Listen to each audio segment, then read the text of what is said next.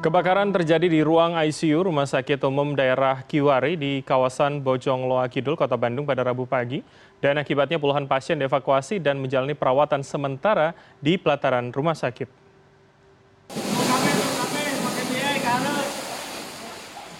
Cukup tebalnya kepulan asap di ruang ICU menyebabkan petugas medis serta keluarga melakukan evakuasi terhadap pasien. Sebagian pasien yang dievakuasi merupakan bayi.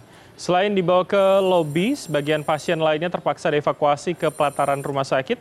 Sembilan unit mobil pemadam kebakaran kota Bandung diterjunkan untuk memadamkan api yang membakar ruang ICU yang terletak di lantai 4 rumah sakit. Api berhasil dipadamkan selama satu jam, tidak ada korban jiwa dari kebakaran ini. Selain masih melakukan upaya pendinginan, Kepala Dinas Kebakaran Kota Bandung menyebutkan hingga kini pihaknya masih belum mengetahui penyebab pasti peristiwa kebakaran. Tadi menurut uh, bahwa pasien semuanya sudah dievakuasi dan memang kan tadi juga termasuk bayi-bayi uh, yang sudah dievakuasi semuanya sudah ada di bawah dan termasuk terlihat juga di pelataran. Artinya tidak ada korban jiwa ya Pak ya?